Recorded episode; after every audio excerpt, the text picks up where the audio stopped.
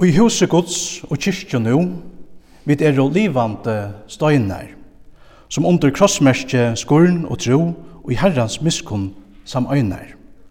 Om vi ter her som folden og best var og tvei, til okkon tja herren vær vi søgnon velte. Etta verset ur salmnon, så vidt det var sunnje, setter åra et høvesmal i dagsens tekste, nemlig den kristna øynløykan. Kyrkjan hon er eit gammalt hus, stendur om tørnene falla. Til at Gud hever ikkje byggt sitt hus vi gråte og mursteinon, nøy, han bygger sitt hus vi livande steinon. Okkon, som høyre hånden til, og som er samøynd under krossmerskje, skurn og tro. Hevas vi som kristin kaska er og eusamt og i nøkron loton, så er vi korsene samøynt som livande støynar og i Guds huse. Vi er livande støynar.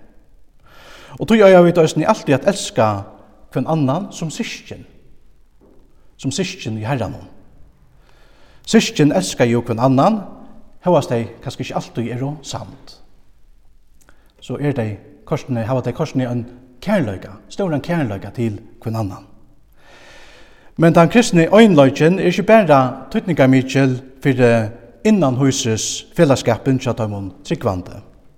Okkara øynløyge hever øysene sera ståren tøytning for hos vi omheimren ser Jesus og tei kristne.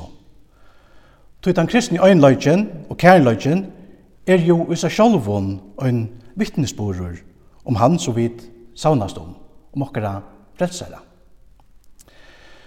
Og i en øren sammanheng gjev Jesus lærersvønnen og et nytt på, og etter bøyer øsne galtante fri okkon. Hetta stendur tja Johannese, til skulle elska hver annan, lykka som jeg har vi elska tikkun, så la skulle øsne tid elska hver annan. At høy skulle allir kjenna at dit er lærersvøgnar møyner, om det hava kærløyga hver til annan. Som kristen er jeg altså at liva okkara liv, samsvarande vi hette her bøye fra Jesus. Vi skulle elska hver annan. Vi skulle ikke skilja det såleis at det er den kristne kærløgjen som gjør okkon kristen. Heldur er det såleis at hauas vi er og kristen, så kommer heimren til eina vanaliga nye om okkon og han som vi savnast om, om den kristne øynløgjen og kærløgjen ikkje er a suttje okra middelen, så hevda fylgjer. Samsverre middelen kristna øynløygan og hømsens reaksjon er altså tøyande i hesson teksten som vi tar lise. Vi suttje jo at Jesus han understrykar ta samme setningen tverferir i vers 21 og 23. Han sier først, til tessa tøymene skal tryggva at du har sendt meg Og så sier han aftur i vers 23, til tess at heimren må sanna at du hever sendt meg.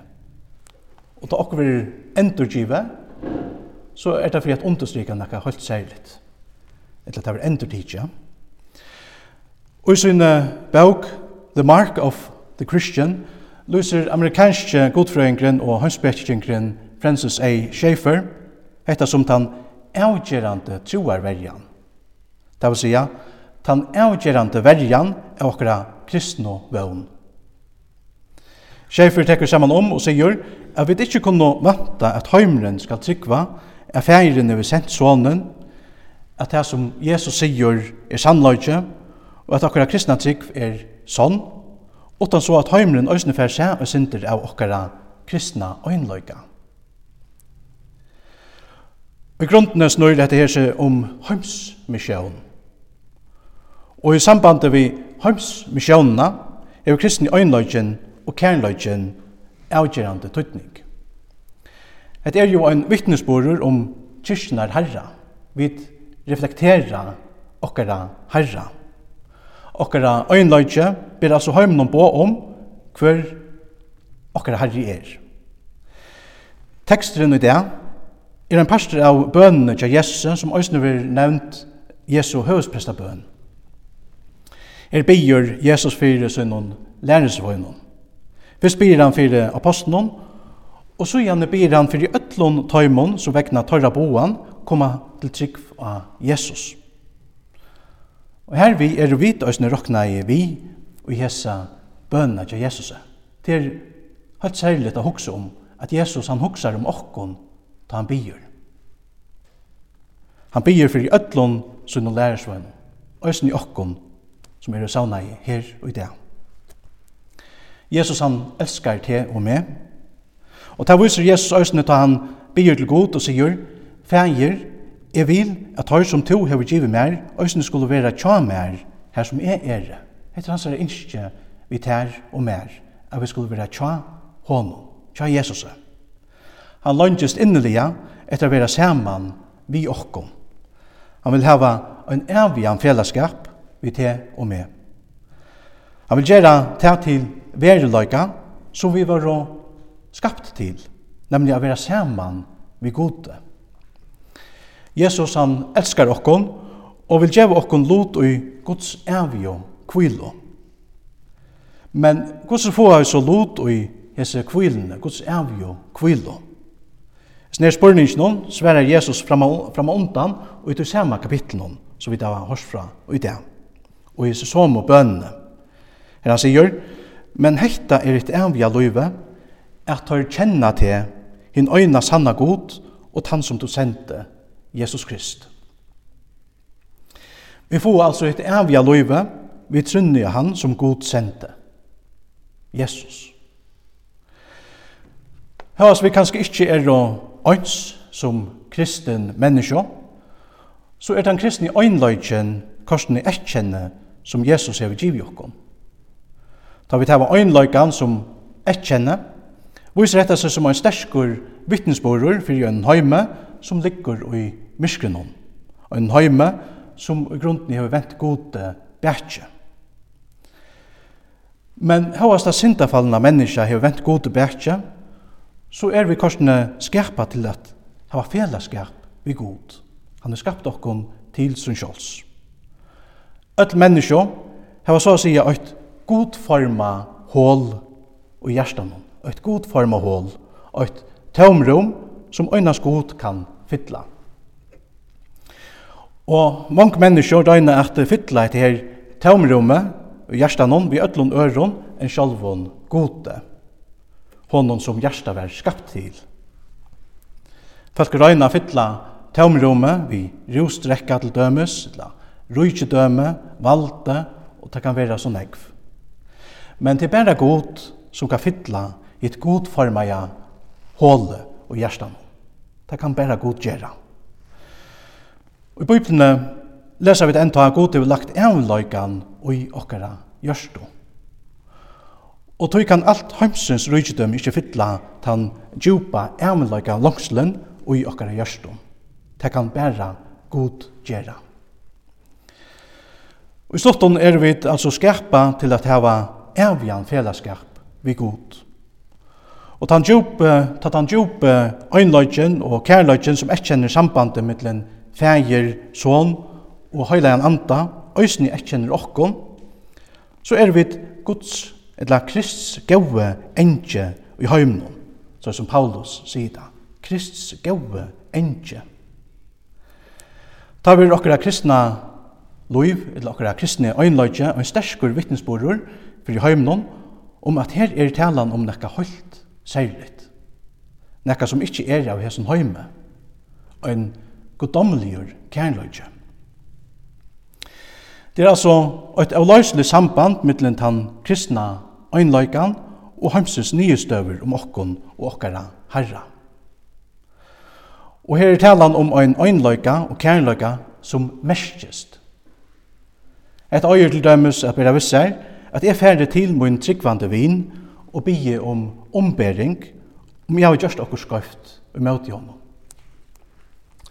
Etta jeg var kanskje jeg syntur einfalt, men akkurat hekta er korsene maten til at endurnukja sambandet mittlen mann og kono, foreldur og bøtten og mittlen syskjen i herran.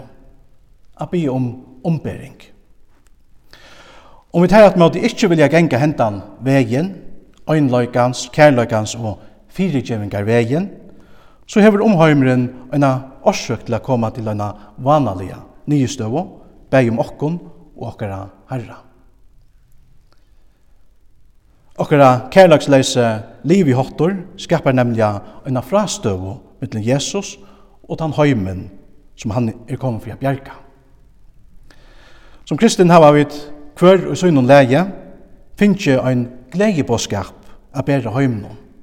Etta som Jesus sjálfur sier i sin, sin bøn, Og så to har sendt meg i heimen, så lais har jeg øsne sendt tøyr i heimen. Og så Jesus var i heimen, men ikkje av heimen, er det lærersveinene og vit nu øsne i heimen, men ikkje av heimen. Vi trunne og døpen hever god fri okkon fra myrskursins valde og flott okkon inn og i rujtje elskaja sonarsons, som Paulus sier enn stedna. Vi trunne av Jesus er så slett en andalig bostierbrøyding fram i okkara løyve. En bostierbrøyding. Vi er ikkje langkur av hesson heime. Nå er vi tæret med godsbøten, og vi tøyra til et høyt anna rujtje, Guds rujtje. Så statt er vi òsne ombå fyrir god og hans herra rujtje og i hesson høyme. Men vi vita hvordan høymlen tåg i møte frelsaren. Ikke lenga tøy, etter lovsangen og hos i anna råpene Palma Sonnedag, brøttes tøvnaleie, størlige, bostor, bostor vi honom, krossfest han, råpa av deg. Som sagt hefur heimren vent gode bjertje. Han vil ikkje hava nekka vi gode gjerra og grunnene. Borstor, borstor vi honom, råpar heimren. Og ta heimren så løys vi Jesus, så kunne lærersvennerne i Østemanta at han få en luknande vifer. Lykka som heimren hekta i Jesus og hans herra år, så hekta heimren østene lærersvennerne og torra år. De fleste av dem tar, tar, måtte også lette løyve vekna enn av båskapen som tar bo av. Men hva sekta blir Jesus ikke feiren om at tekka apostlanar ut ur heimenon. Du tar, og æsne vit, er jo kalla til å være ui hesson heimenon. At være Krists gaui enkje ui hesson heimenon. Hevas heimren hever vent gode bætje så hever god korsen ikkje vent heimen hon bætje. God hava lov for det. Guds mission er jo heims misjón. Etla som det stendur og i Johannes 3,16, de kjente årene, de så elskar i god heimen. At han gav sånn så inn øynbarna, til tess at øyn og hver som tror at han ikkje skal glertast, men hava evigt liv. God han elskar heimen. Han elskar sitt skapanarversk. Og vi Jesus rættur han okko nu til så vi var skapa i til, nemlig felaskap vi god og evigt liv. Og i høvesprestabønene blir Jesus fyri okkon som er og i hesson heimenon, men som ikkje er og av heimenon. Han byr fyri okkara vittnesbore og i heimenon, innon kristelige øynleikanon og kærleikanon. Om hekti er a finna okkara middelen, ta er det òsne en sterskur vittnesborer fyrir tui heime som god så fegin vil bjerga. Okkara kristni øynløyge og kærløyge hever altså eit endamal, nemlig at tjena Guds vilja vi ötlun menneskjon. At tjena Guds heimsmisjon, så at öll menneskjon må koma a kjenna god og frelseran som han har sendt til okkon. Lætti okkon tog vera lujen mot Jesu bovun, ta han òsne sigur vi okkon, til skulle elska hver annan. Lykka som jeg vi elska tikkon, så løy skulle òsne tid elska hver annan. At hun skulle alle kjenna at tid er lærersvagnar munir, om tid hava kærløyga hver til annan.